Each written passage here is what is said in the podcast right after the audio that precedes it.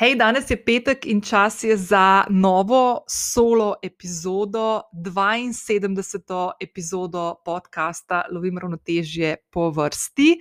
Danes sem se odločila ogrizniti v eno temo, ki me zadnje čase kar malo preganja. Um, za nami je prvi mesec letošnjega leta, zima je, malo smo občasno nerazpoloženi. Tisti, ki malo spremljate uh, ozvezdja, veste, da, da smo v, zakorakali uh, že dobro v retrogradni Merkur, uh, ki vpliva na en kup enih stvari, med drugim tudi v odnose in v komunikacijo, in tako naprej.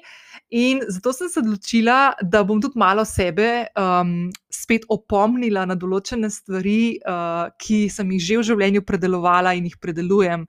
Nenehno, in to je stres, um, tudi tesnoba in kako se to skupaj obvladovati.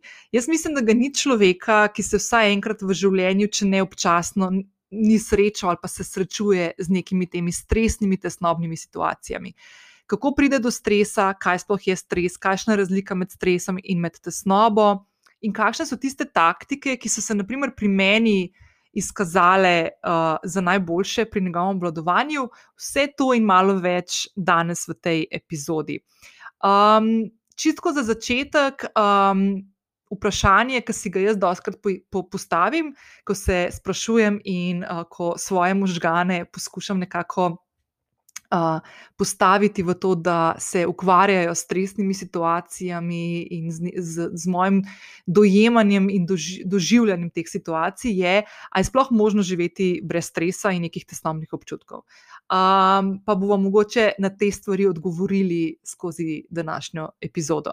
Zdaj, preden skočiva v epizodo, te vabim, kot vedno, da če še nisi prijavljena na podcast Lovim ravnotežje, to lahko storiš zdaj prek aplikacije, na kateri ga trenutno poslušaš. Uh, tako boš vedno ujela vsako uh, epizodo, nobeno ne boš zamudila in uh, poskrbela in pomagala tudi meni, da bo za ta podcast slišalo še več tebi podobnih žensk in tudi moških. Vedno sem vesela tudi ocen in mnen, ki mi jih pustiš na podcast aplikaciji. Lahko se mi pa oglasiš na zasebno sporočilo na Instagramu, kjer potem vedno poteka ena taka lušna debata, praktično vsak dan je tak after in before party, pred in po epizodah aktualnih. Uh, kot vedno te v opisu te epizode čaka tudi povezava do zapisa, v katerega sem danes ujela te ključne točke in taktike, ki so meni pomagale uh, pri obvladovanju stresnih in tesnobnih uh, trenutkov, uh, pa dodatne povezave na nekatere vsebine, ki sem jih že pripravila, uh, sem vključila notri, tako da imaš vse na enem mestu in lahko skočiš tja in si zavrtiš. Uh, kakšno od prejšnjih epizod podcasta Lovim ravnotežje, ali pa si prebereš kakšen zapis, uh, ki sem ga že pred časom objavila na eno od tem, ki jo bom danes izpostavila. Okay, zdaj, za začetek um, je eno tako vprašanje, ker če bi me kdo vprašal par let nazaj, ali je možno obvladovati stres ali pa tesnobo, in ali je možno usvojiti in se priučiti nekih tehnik obvladovanja stresnih in tesnobnih občutij in situacij, bi se mi zdelo tako no way. Um, danes lahko rečem, da so to stvari, ki se jih da priučiti, uh, zahtevajo. Um, kar nekaj samodiscipline, samozavedanja, samoopazovanja. Uh, in bomo danes malo šli skozi te stvari. Nobena od tehnik, ki jo bom danes omenila v tej epizodi, ni takšna, ki se jo ne bi dalo upeljati v vsak dan, ali pa predvsem takrat, ko imamo neke, neke take tesnobne ali pa stresne občutke. Ampak za začetek, mogoče preden greva naprej v te tehnike, najprej sploh pogledaj, kaj je stres, kaj je tesnoba, kakšna je povezanost, kakšna je njuna razlika. Um, zdaj, strokovnjaki, tukaj je en tak, ena taka definicija, pojmujejo stres kot nek fiziološki, psihološki in vedenski odgovor posameznika, ki se poskuša prilagoditi in privaditi nekim notranjim in zunanjim dražljajem oziroma stresorjem. Stresor je dogodek, oseba ali pa predmet. Uh, odvisno, ne, ki ga posameznik doživi kot nek stresni element in pri njemu povzroči stres. Uh, ta stresor začasno zamaje naše ravnovesje, naše ravnotežje, in je, kar je fulj pomembno, zelo normalno odzivanje naše na neko dogajanje ali pa na nekega človeka, ki nam je nekaj povzročil, nek stres ali pa na nek predmet. Uh, stres in stresni dejavniki niso za vse nas enaki. Ne? Uh, in tudi niso za vse enako rešljivi. Ljudje smo različni, različno dojemamo sebe, različno dojemamo svet okoli nas, in te, vsi ti dražljaji, notranji in zunani, na nas vplivajo različno. Uh, na stres in na njegovo dojemanje vplivajo tako naša osebnost, neka, neka prehojena pot, se pravi izkušnje, neke okoliščine, v katerih se nek stres, stresna situacija pojavi. Konec koncev, naš način dojemanja življenja, okolice in nas, naše vloge v svetu.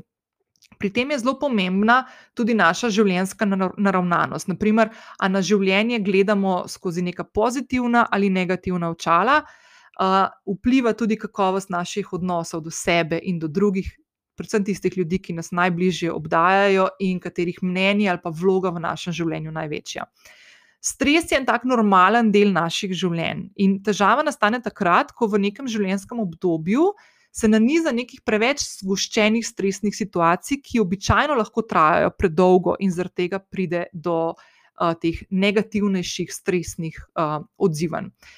Zdaj, kadar določen dogodek zaznamo kot težek ali pa boleč, naprimer imamo neki izrazit negativen občutek, naši možgani telesu sporočajo, da se pripravi na nevarnost. In to reakcijo, sigurno ste za to že slišali, imenujemo boj ali beg, spravi fight or flight. In vključuje ponavadi, kako prepoznamo na telesu te stvari. Uh, lahko opazimo, naprimer, da naše uh, bitje srca postane pospešeno, hitreje bije, hitreje začnemo dihati, malo hiperventiliramo. Naše mišice in celotno telo se ful napne, v bistvu tako pripravljeno na to, da se bo odzvalo, da bo odreagiralo, da bo teklo stran, da se bo moglo braniti. Uh, dobimo občutek strahu in ogroženosti. In reakcija boj ali beg je, znan, uh, je znak, da je posameznik v neki nevarnosti in da mu pomaga to, da se neke, nekako zaščiti, se pravi, ali da zbeži stran, ali pa da se pripravi na neko reakcijo. To so reakcije, ki so nam v preteklosti ne, dobro služile, ko smo se morali, naprimer, braniti pred kakšno živaljo ali pa neko naravno katastrofo. Danes, a ne, te potrebe dejansko v življenju nekako nimamo na tak način narejene, ne? ampak še vedno so ti vzorci zelo zakorenjeni v nas.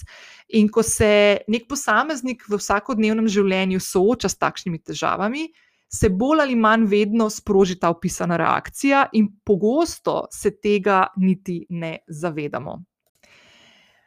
Simptomi stresa se lahko razvijajo že v nekaj minutah po nekem stresnem dogodku, v nekem, nekem, neki situaciji, ki se nam zgodi, in lahko trajajo nekaj minut, nekaj ur ali pa več dni skupaj. Zdaj, na ravni misli lahko simptome stresa občutimo tudi kot misli, da nečesa ne zmoremo narediti, slabega občutka na dogajanje okoli nas, uh, lahko dojemamo nek občutek uh, pritiska okolice na nas, na naše odločitve, lahko gre za neko slabo počutje, zmedenost. Več nivojev v našem telesu in v naših mislih, na naši čustveni ravni se lahko odziva kot neke reakcije na stres. Naprimer, na ravni telesa lahko opazimo potne mrzle dlani, pospešeno bitje srca, slabost, težave z dihanjem. Na čustveni ravni lahko občutimo potrtost, napetost, žalost, tudi jezo, občutljivost, raztresenost, prepirljivost. In običajno smo v stresnih obdobjih brez volje do dela ali nekih vsakodnevnih opravkov, tudi tistih, ki jih imamo načeloma radi in nas veselijo. Naprimer, neko stvar radi počnemo, vem, radi gremo na sprehod, ampak kot smo pod stresom, je to ena od stvari, ki se nam enostavno ne da. Uh, lahko gre tudi za neorganiziranost, naprimer. Uh, ugotovimo, da nam določene stvari, ki jih sicer naredimo hitreje, vzamejo bistveno več časa. To je tudi zato, ker imamo običajno, ko smo pod stresom, težave s pozornostjo in uh, slaba kakovost spanja, kar lahko pomeni, da spimo kar dovolj, naprimer, obi, kot običajno, ne vem, 8 ur na dan, uh, ampak se zbudimo utrujeni. To je lahko tudi posledica stresa. Zdaj, ena zanimivost, ki sem jo jaz opazila, tudi pri sebi, naprimer na ravni dela, ne, na delovnem mestu, oziroma pri svojem delu. Um, in to je zdaj, malo sicer bomo se zdaj dotaknili te izgorelosti, o kateri sem tudi jaz že kar veliko govorila v prejšnjih epizodah. Ampak, naprimer, fulj zanimivo je, kaj se nam lahko zgodi na ravni stresa v delovnem okolju, ko se pojavijo naprimer, naslednje stvari. Uh, lahko gre za to, da imamo veliko ali pa preveč dela, Uh, lahko gre za to, da imamo delo, ki od nas premalo zahteva, ker vemo, da smo sposobni več. Uh, lahko gre za to, da imamo pri delu ali pa pri izvajanju nekaterih delovnih aktivnosti premalo samostojnosti, se pravi, da imamo konstantno občutek, da nekdo bdi nad nami. Lahko gre za to, da imamo premalo podpore sodelavcev ali nadrejenih, uh, ali pa neke neustrezne delovne pogoje.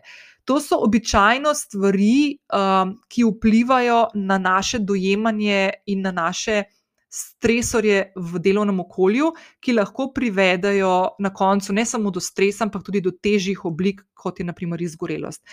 Uh, vedno, ko se pogovarjamo o izgorelosti, in vedno, ko sem nekako omenjala ta pojem, se mi zdi blazno pomembno dodati, da običajno se izgorelost ne zgodi zato, ker imamo preveč dela ali pa ker smo preobremenjeni, ampak se običajno izgorelost zgodi zaradi mehke, v navednicah mehkejših dejavnikov. Naprimer, eden od teh, ki sem ga ravno kar omenila, je, da imamo delo, ki nas ne izpopolnjuje, se pravi, da nas ne. Da nimamo občutka, da smo nekaj doprinesli, da delamo stvari, ki nimajo nobenega namena, um, in da nimamo smisla v življenju pri delu, ki ga upravljamo. Uh, seveda so tukaj tudi odnosi, uh, Um, tukaj so naprimer, tudi lahko kakšne oblike mobbinga in tako naprej. Ampak načeloma je vedno, ko se pogovarjamo o nekih stresnih situacijah, ki lahko mejijo ali peljajo v neko izgorelost, da gre za, nekega, za pomankanje nekega življenjskega smisla. Poslanstva, ali pa tega, da enostavno v življenju ne vemo, zakaj določene stvari delamo. Se pravi, da smo nekako izgubljeni, uh, da um, ne vemo čisto dobro, kaj je tisto, kar nas veseli, tudi lahko iz nas prihaja, ne samo iz tega, da dobivamo neke naloge, ki, nam, ki nas ne veselijo.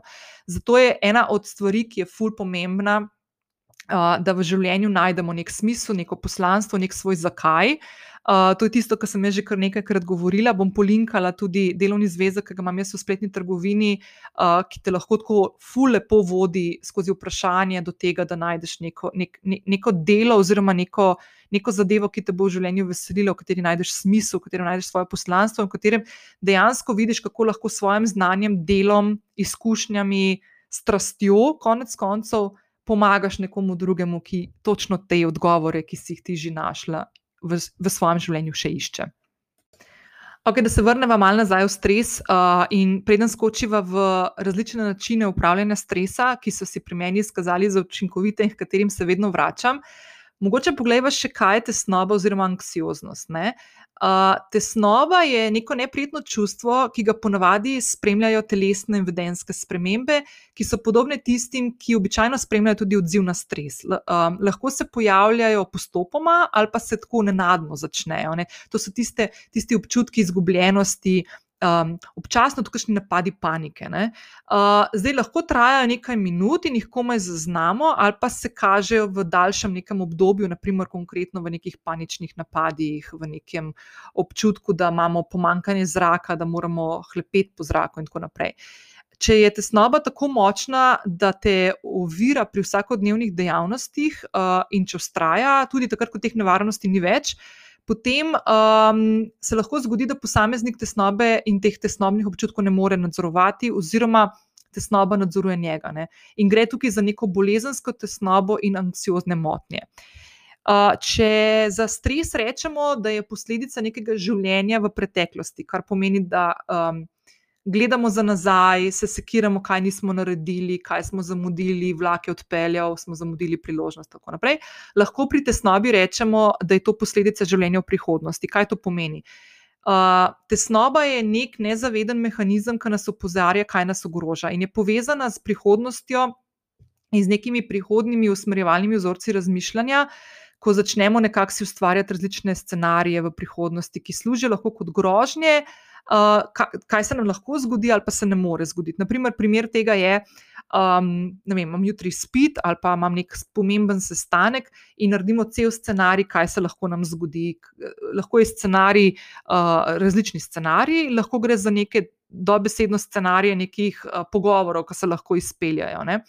Zdaj, običajno ne, so te stvari, ki jih tako delamo in jih hiperanaliziramo za prihodnje, se, lahko, se pogosto krat izkažejo za napačne, ne, ker izvirajo res iz nas, iz, iz nekih naših, um, kako ne rečem. Um, Nekih scenarijev, ki so pri nas v glavi, se naredijo in običajno nimajo nekih zelo takih realnih temeljev. Uh, zdaj, na splošno je stres odziv na nek zunanji vzrok. Ne? Pri tesnobi pa običajno so te izvori notranji.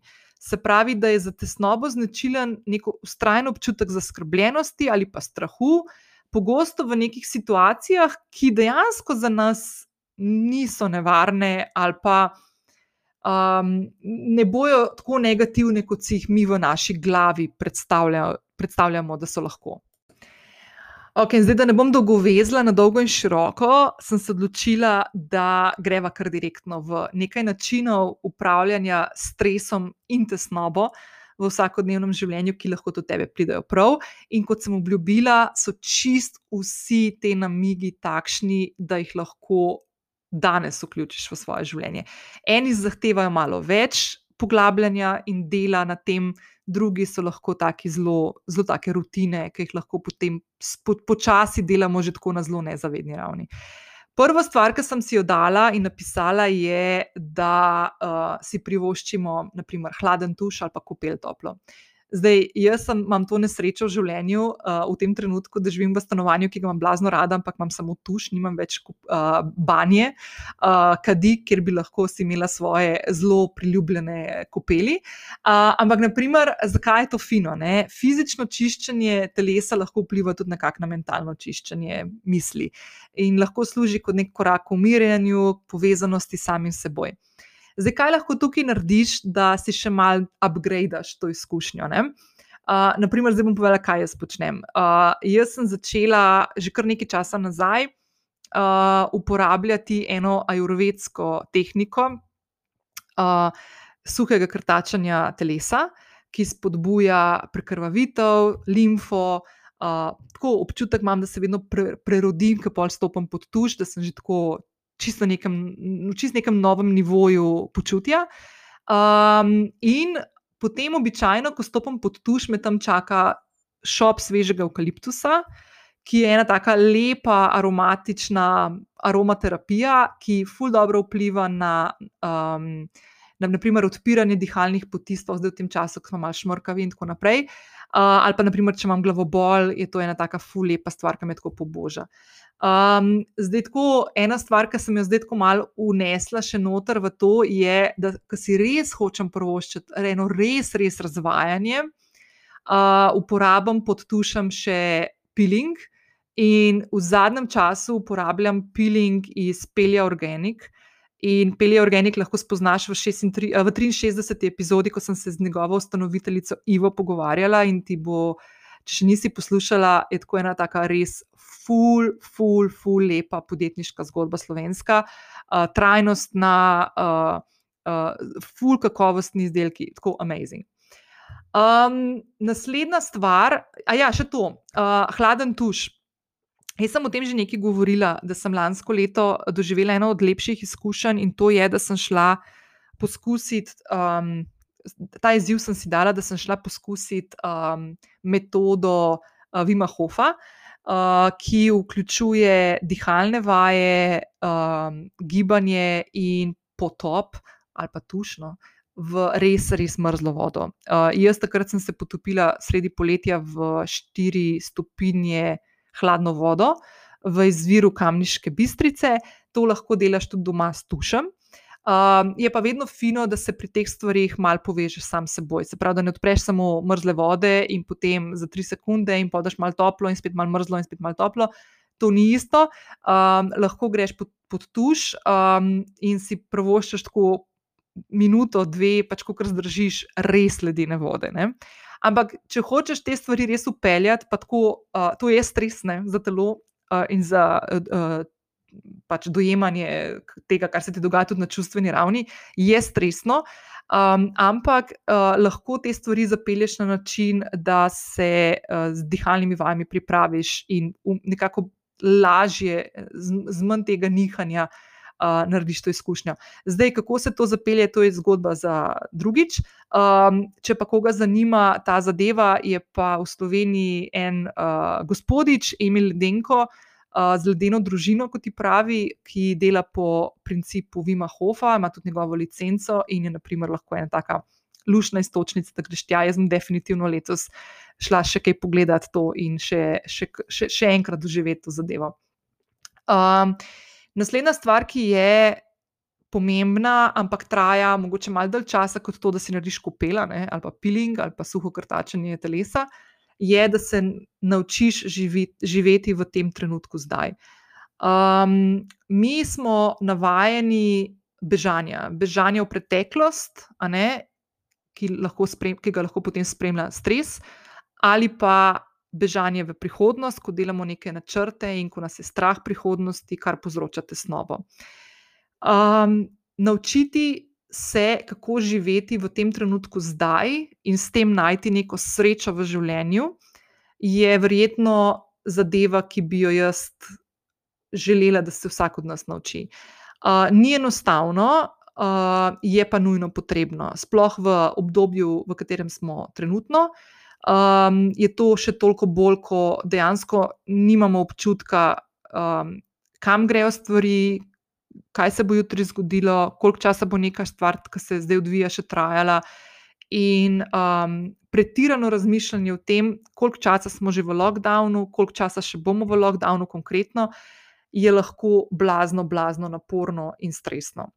In naučiti, naučiti se, da vsak dan, ki pride, v njem najdeš nekaj, kar te veseli, narediš nekaj, kar te veseli, naprimer, da imaš delo, ki te veseli, da najdeš v delu neki ziv, ki te uh, motivira in navdihuje, so stvari, ki so, um, ki so nujno potrebne. Ena stvar, ki ti pri tem lahko pomaga, je meditacija. Meditacija dejansko je učenje biti prisoten v tem trenutku zdaj. To ni stvar, ki se lahko naučiš in upelješ zdaj, danes in jutri si že meditacijski guru. Zahteva konsistentnost, zahteva čas uh, ne ogromno časa, ampak um, nek čas, ki ga delegiraš, oziroma si ga rezerviraš za to. Jaz sem v meditaciji ogromno govorila v 12. epizodi tega podcasta in tudi kasneje v, v nekaterih drugih epizodah, in bom v zapisu te epizode pustila povezavo do podcast epizode 12. in do nekaterih člankov, ki sem jih na to temo že napisala v preteklosti. Bi pa rada eno stvar izpostavila, ki jo vedno rada izpostavim, zato ker se je meni v življenju meditacija blazno zamerila, ker sem imela občutek, da je nikoli ne bom znala. Zato ker sem nenehno poslušala, da pri meditaciji pomeni, da ne misliš na nič. To ni res. Um, če slučajno si kdaj slišala za to definicijo, prosim, prosim, zbriši jo iz glave. Uh, mi smo ljudje in imamo možgane, da mislimo. Uh, možgane lahko prelisičimo, da poskušajo vmes loviti neke kratkotrajne trenutke, ko imamo prazne misli. Uh, oziroma, meditacija je dejansko usmerjanje naših misli na eno stvar. Uh, najlažje je, da se osredotočimo na dihanje in, in spremljamo vdihe in izdihe, jih štejemo, uh, lovimo, kje, kje točno imamo najbolj močen dih, je to okrog nosnic, uh, ali je to v ustnem delu, v grlu, ali je to v pljučih, trebuhu in tako naprej. Ampak dejansko naše možgane osredotočamo na, na eno stvar, na eno točko. S tem se učimo biti um, v tem trenutku zdaj. Tako da meditacija je lahko ena taka res, res lepa, lepa uh, rutina. Ki je, raz, ki je z razlogom prisotna v življenju praktično vseh najbolj um, uspešnih ljudi na različnih področjih. Tretja zadeva je pisanje dnevnika. Tudi o tem sem že velikokrat govorila. Polinkala bom v zapis tudi en kratek vodič, ki sem ga pred časom napisala, kako se lotiti pisanja dnevnika.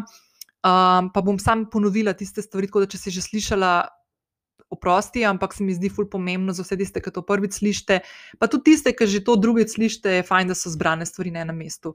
Pisanje dnevnika ni tisto pisanje dnevnika, kot smo ga delali, ko smo bile najstnice, ne, ne vem. Tine tu nisem všeč, ali pa ni me pogledal, ni me pozdravil, ampak dejansko gre za to, da pišemo neka svoje občutja, uh, konec koncev neke naše skrbi, strahove in tako naprej.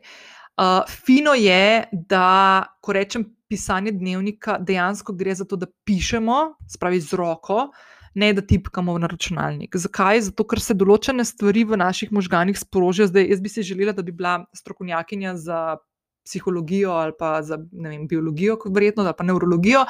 Nisem, ampak par stvari sem prebrala, predvsem pa sem izkusila na svoji koži. In nekaj lepega se zgodi, ko svojo roko napišeš na list papirja, nekaj misli, in na to potem pogledaš s očmi, in v bistvu narediš neko distanco do nekih občutij, sploh do tistih, ki ti mogoče povzročajo nek stres ali pa tesnobo. Um, naše skrbi postanejo manjše. Uh, hitro lahko vidiš, kako neracionalni so pogosto naši strahovi. Uh, če pišeš dnevnik na dolgi rok, lahko vidiš določene vzorce, ki se ti pojavljajo v nekih situacijah. Um, narediš, kot sem rekla, distanco med svojimi mislimi in med realnostjo. Uh, konc koncev lahko organiziraš svoje misli, najdeš tudi na svet zase, se pravi, da imaš neko tako terapijo, uh, sa, ki jo izvajaš sam nad sabo.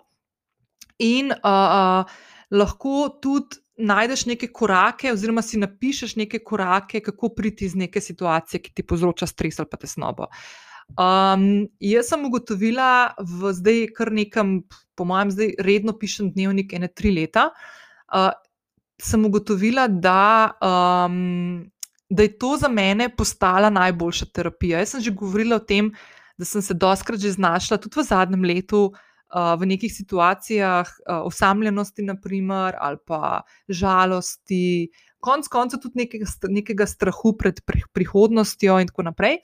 In čist vsakič, ko sem imela občutek, da um, me je nečesa strah ali pa da me nekako preplavlja neka uh, neka stresna situacija, neka čustva in tako naprej, sem vzela v roke dnevnik in začela pisati.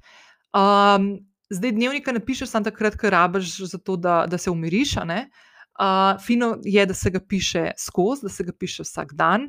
Uh, če, če, če le gre, jaz priznam, da to ne naredim, jaz pomagam, da tako ene trikrat, štirikrat primem v roke na teden. Um, se trudim, da je to čim večkrat. Obstajajo pa neke tehnike, ki ti lahko pomagajo uh, pri tem, da postane pisanje dnevnika nek ritual, ki, ki je postane del tvojega vsakdana.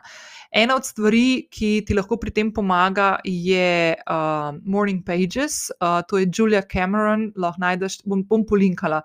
The Artist Way, uh, delovni zvezek, ki ga lahko najdeš na Book Depositorju ali pa na Amazonu, uh, je en tak full-lušen način, kako prvo stvar zjutraj uh, si vzameš čas um, in napišeš ali tri strani česar koli, pač karkoli imaš v mislih. Vem, uh, danes je sonce, jo je spet mi golob tukaj neki nas, nasral, whatever. Pač kar imaš v mislih, brez nekega obsojanja, brez neke samocenzure, brez nekega.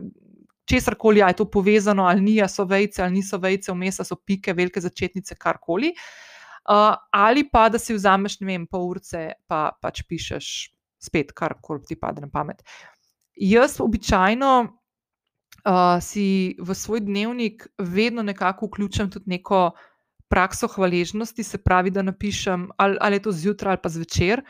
Uh, napišem neke stvari, ki so se mi zgodile danes ali pa v zadnjem obdobju, za katere sem fulh hvaležna. Pa to so lahko mehke stvari, to je lahko uh, Ful mi je bilo lepo, da sem šla včeraj z eno osebo, s katero se rada sprehajam na sprehod in sem imela fulušno debato, ki mi je odprla nek pogled na neko novo zadevo. Ali pa ful je fajn, danes je sončen dan, ni, ni pod minus, tako da bom šla na en dolg sprehod, ki bo mogoče malo daljši kot sicer.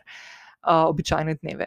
Um, ali pa, naprimer, jo je prišel me nečak obiskati, sva se ful igrala in sem, bila, tako, sem našla enega otroka v sebi za malce dalj časa, kot sicer. Uh, Tako da lahko so take malenkosti, lahko je, naprimer, ko si skuhaš dobro večerjo ali pa ti res rata nares preliv za solato, nek nov ali karkoli.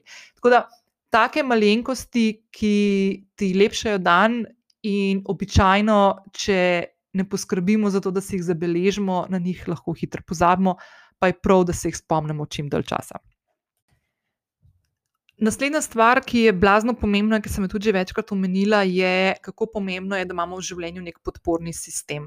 Uh, ko se znajdemo v neki situaciji, ki nam povzroča stres ali pa tesnobo, je vedno full fine, da imamo nekoga, ki ga lahko pokličemo in se zaupamo, povemo. Um, uh, če je to nekdo, ki nam da na svet, lahko, zato ker uh, spoštujemo njegovo ali pa njeno mnenje, to je super. Um, vedno lahko gremo tudi pod strokovno pomoč, ne? tako da ne čakate teh stvari, vzamete si čas, raziščite. Jaz sem v 49. epizodi govorila o mentalnem zdravju, o svojih izkušnjah uh, z depresijo, zdravljenjem z antidepresivi, z, um, uh, s terapijami različnimi, kje sem jih poiskala, kakšne izkušnje sem imela.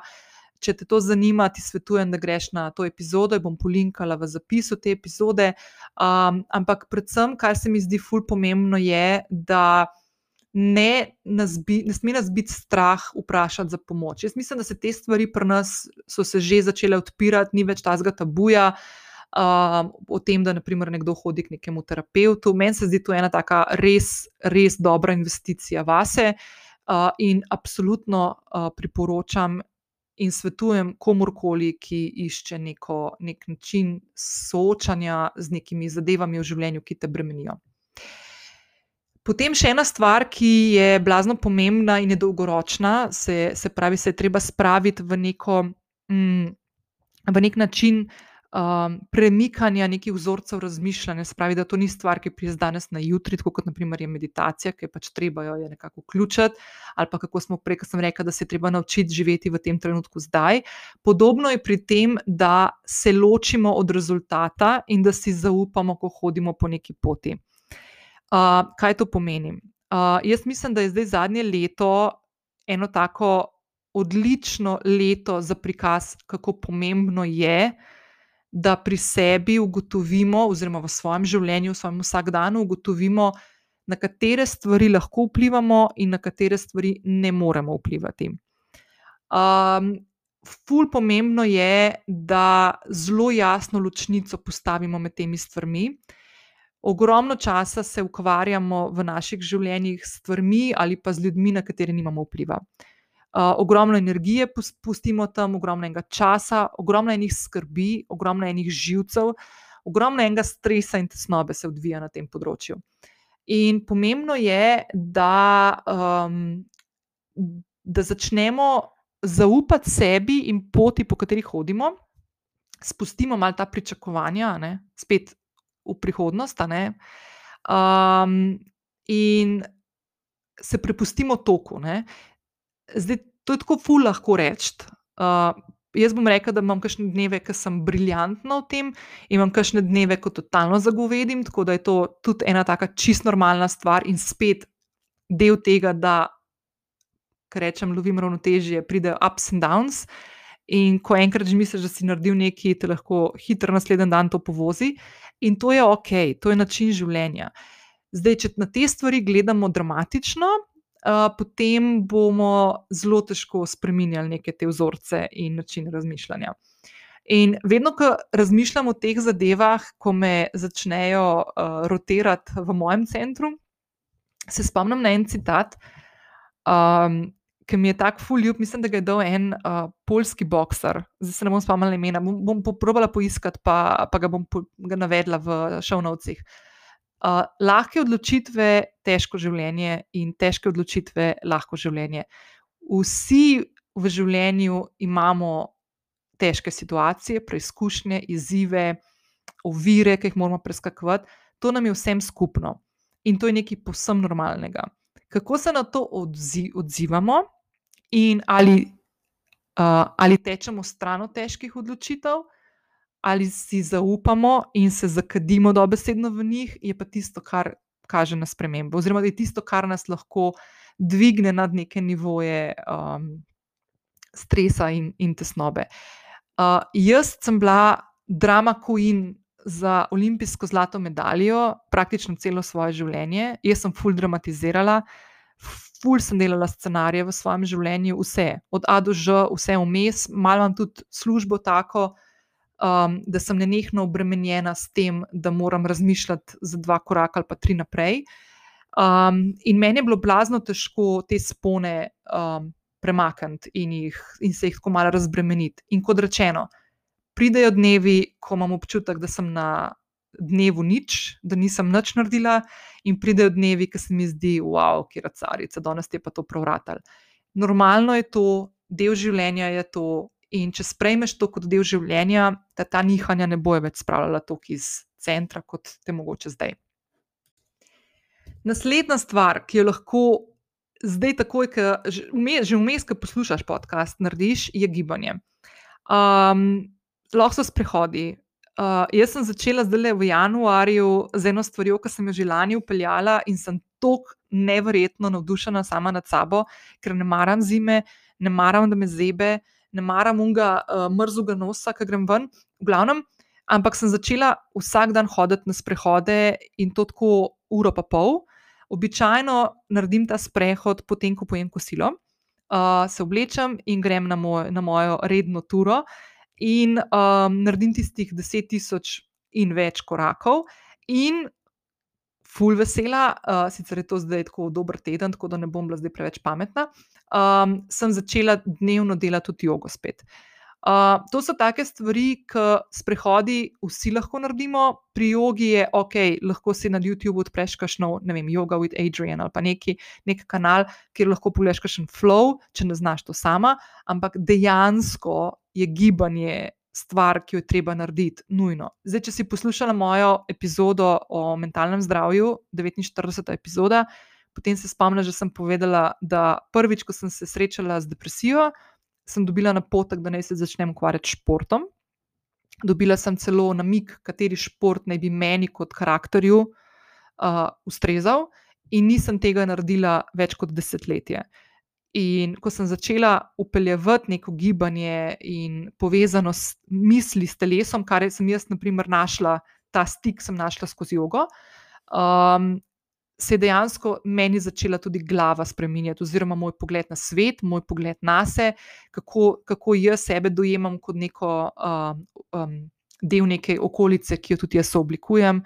Um, ful sem se bolj umirila, um, ful znam presepta nihanja, o katerih sem prej govorila, vem, to, da se ločimo od rezultata in da se zaupamo, in tako naprej. Ta nihanja sem ful, ful, ful um, umirila. In začela sem uživati na tej poti, začela sem uživati v tem, da pridejo dnevi, ki gre vse v klinac, in pridejo dnevi, ki totalno briliram v vseh stvarih, ki se jih lotam. In je to ok. Tako da gibanje je ful pomembno in takrat, ko nočeš iti ven, se prsil pa pet ven. Um, z Mihatom Rekarjem, ki smo se pogovarjali v, mislim, da 60. epizodi, je on, ki teče, je rekel, da, um, da je slišal to, da pet teč, tudi ko se ti ne da. In če po enem kilometru, ki ga pretečeš, se hočeš obrniti, pa iti nazaj, se obrni pa pet nazaj, ampak verjem, nikoli se ne boš obrnil, ampak boš šel naprej. In uh, ko greš enkrat, isto je za sprehod, ko greš na sprehod, pet, tudi če je deset minut, je več kot dovolj, je boljš, kot če ni nič. Tako da, absolutno. Ok, naslednja stvar je stvar, ki si jo spet lahko privoščiš vsak dan. Uh, jaz mislim, da so to ti drobni, pa niti ne drobni, drobni, ampak pomembni uh, koraki v vsakodnevnem življenju, je, da si privoščiš razvajanje. Karkoli pomeni razvajanje v tvojem svetu. Zdaj, pri meni, na primer, je razvajanje to, da si pripravim neko hudo jed. Uh, zdaj sem spet začela uživati v nekem raziskovanju nekih novih jedi doma, ki si jih pripravljam. Uh, Spravno, da se naredim nek uravnotežen, zdrav obrok. Potem sem začela uživati, ker so pač zaprte stvari, da si naprimer doma naredim manikuro, pa pedikuro. Um, par dni nazaj sem šla k frizerju, naprimer, pa sem se v bleščice oblekla, da je nov let. Pa je tako mala stvar, ki sem se tako čisto noro počutila, končno iz tistih uh, sweatpantsov. Ali pa ne vem, si prežgem svečke zvečer, si zjutraj prežgem glasbo, zdaj imam en komat, ki si ga skozi na repeat vrtim. In, ne, oziroma lažem dva komada. Enega za zjutraj, da se malo tako zaplešen si zraven, pa enega pol za jogo, ki ga imam na repeatu. Ampak, glavno, karkoli takega je, kar te veseli, kar te navdihuje, da si nekako polepšaš nek svoj trenutek, naredi to. Magar zvečer ugasen vse luči, razen ene lučkice, pa si naredi, ne vem, ulež se na tla ali pa na pojslo, zapri oči, zadihi, predihi, se ustavi, Poglej, če te kakšna stvar v telesu, če imaš kakšno tenzijo, kakšno napetost, probi sprostiti, in tako naprej. Karkoli je tazga, da te veseli, nared. Ali pa je kakšna serija na Netflixu ali pa na HBO-ju, vse vse. Neki, neki tazga, kar tebe veseli, samo tebe. Uh, razvajanje. Treba se je razvajati. Tudi v teh časih, zdaj, ko imamo občutek, da ni masaž, pa ni nunga, pa terme bi šla, pa na izlet bi šla, pa neki potvod bi šla, ful bi šla na Bali. To imam dolgo bucket listo za potovanje, tako da spoh rajš ne povem, kaj sem si napisala v zadnjem letu, ampak nima veze, lahko tudi doma to naredimo. In čista zadnja stvar, ki je stvar, ki jo počneš vsak, vsak trenutek, tudi zdaj, ko rečem ta stavek, je dihanje. Dihanje je najboljši način sproščanja. Um, o dihanju sem veliko govorila v 12. epizodi, ko sem govorila o meditaciji, zato ker je zelo, zelo povezano tudi z meditacijo, lahko, kot sem že prej omenila. Um, način dihanja je pomemben, da je, um, po mojem, se zdaj fusliša helikopter, ki leti nad, mojo, nad mojim stanovanjem, ampak ok. Uh, uh, um, okay. uh, dihanje tisto dihanje, ko se umirimo, dihanje, ki je skozi nos, ne skozi usta. Uh, skozi usta zelo radi hiperventiliramo in dihamo prehitro, uh, ampak dejansko skozi nos globoke vdihe in globoke izdihe. Kar pomeni, da je to tisto dihanje, ki ga narediš tako, da se ti trebuh napne, tako kot ponavadi ženske noter vlečemo trebuh. Ne? ne, napne se trebuh in se naredi tako trebuh, tisti, ki ga hočeš skriti. Sprav, napolniš celo celo telo s kisikom in potem ga počasi spustiš ven uh, skozi nos. Um, to, če se kdaj želiš umiriti, ko imaš kakšno težko situacijo, ali pa ne vem, imaš klic šefa, šefice po, po telefonu, ki te čist razburi. Zadihaš lahko vmes, brez da bi nekdo vedel, ali te videl, da nekaj drugega delaš, ali pa si na telefonu, zumu, karkoli. Vedno imaš lahko ti dihalne vaje, umirjanja, ne glede na to, v kateri situaciji si. Med vožnjo, med delom, med pogovarjanjem, med karkoli, pisanjem, plesom ali pa meditacijo. Uh, probi, probi se naučiti to, da dihaš skozi nos. Zdaj, čez za konec sem našla en tak ful dobr citat Dale Carnegija, um, ki pravi takole: Neaktivnost povzroča dvom in strah aktivnost prinese samozavest in pogum.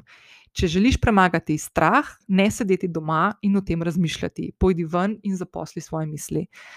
Uh, mislim, da je to en tak ful lep povzetek tega, kar sem danes hotel ti predati. Um, jaz vem, da so časi naporni, vsi imamo že mal poln kufr vsega, kar se dogaja.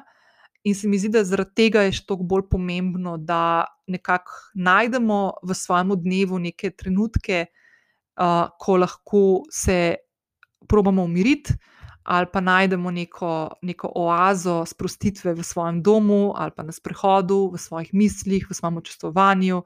Um, zato, da z vsakim takim trenutkom, ki ga naredimo zase, uh, vlagamo v to, da bomo močnejši. In da bomo v navednicah lahkotneje premagovali stvari, ki grejo vsem za naživce, in so težke. Um, to so res take investicije v, v, v, v znanje uh, in v to, kako postavljamo neke rutine, s katerimi se lahko lepšamo dneve, uh, razpoloženje, se budrimo in tako naprej. Ker, kot sem prej rekla, na kaj lahko jaz vplivam in na kaj ne morem, vplivam dejansko lahko na sebe, pa še to ne vedno. Um, če se naučim, kako pri sebi najti najboljše ravnovesje dobrega počutja in uh, okolj, okolja, ki me v tem trenutku obdaja, na te stvari lahko vplivam najbolj sama. Ne more nekdo drug vplivati, oziroma lahko, ampak fino je, da to pride od znotraj. Zato, da sem jaz tista, ki sem aktivni akter svoje realnosti, ne da sem tista, ki jo vodijo stvari, ki so od zunaj. Um, tako da to je to. Uh, jaz ti želim en lep petek, še lepši konec tedna, upam, da bo vreme kaj lepše, uh, kaj bolj sončno. Uh, Vabim te, da se še enkrat, da se prijaviš na podcast, da oddaš mnenje, da oddaš oceno, lahko daš tiste zvezdice, lahko poveš, kakšni svoji prijatelji za ta podcast, ali pa prijatelji, kakšni družini, teti, strici in tako naprej. Uh, hvala vsem, ki uh, se redno javljate uh, svojimi uh, uh, odzivi na epizode ali pa delite na svojih storjih na Instagramu. Ful sem vesela vsakič, ko vas vidim, ko vas preberem. Uh, ful sem vesela, vedno, ko se lahko odzovem nazaj ali z vami poklepetam. Zdaj moram tudi povedati to, da sem dobila v zadnjem obdobju nekaj uh, predlogov za teme, za sogovornike, sem ful vesela. Uh, tako da, če ima kdo od vas kakšno stvar tako za mi povedati, Instagram, zasebno sporočilo, pošljite mi, samo jaz to vidim, tako da se jaz tudi odzovem nazaj, tako da lahko malo tam poklepetamo.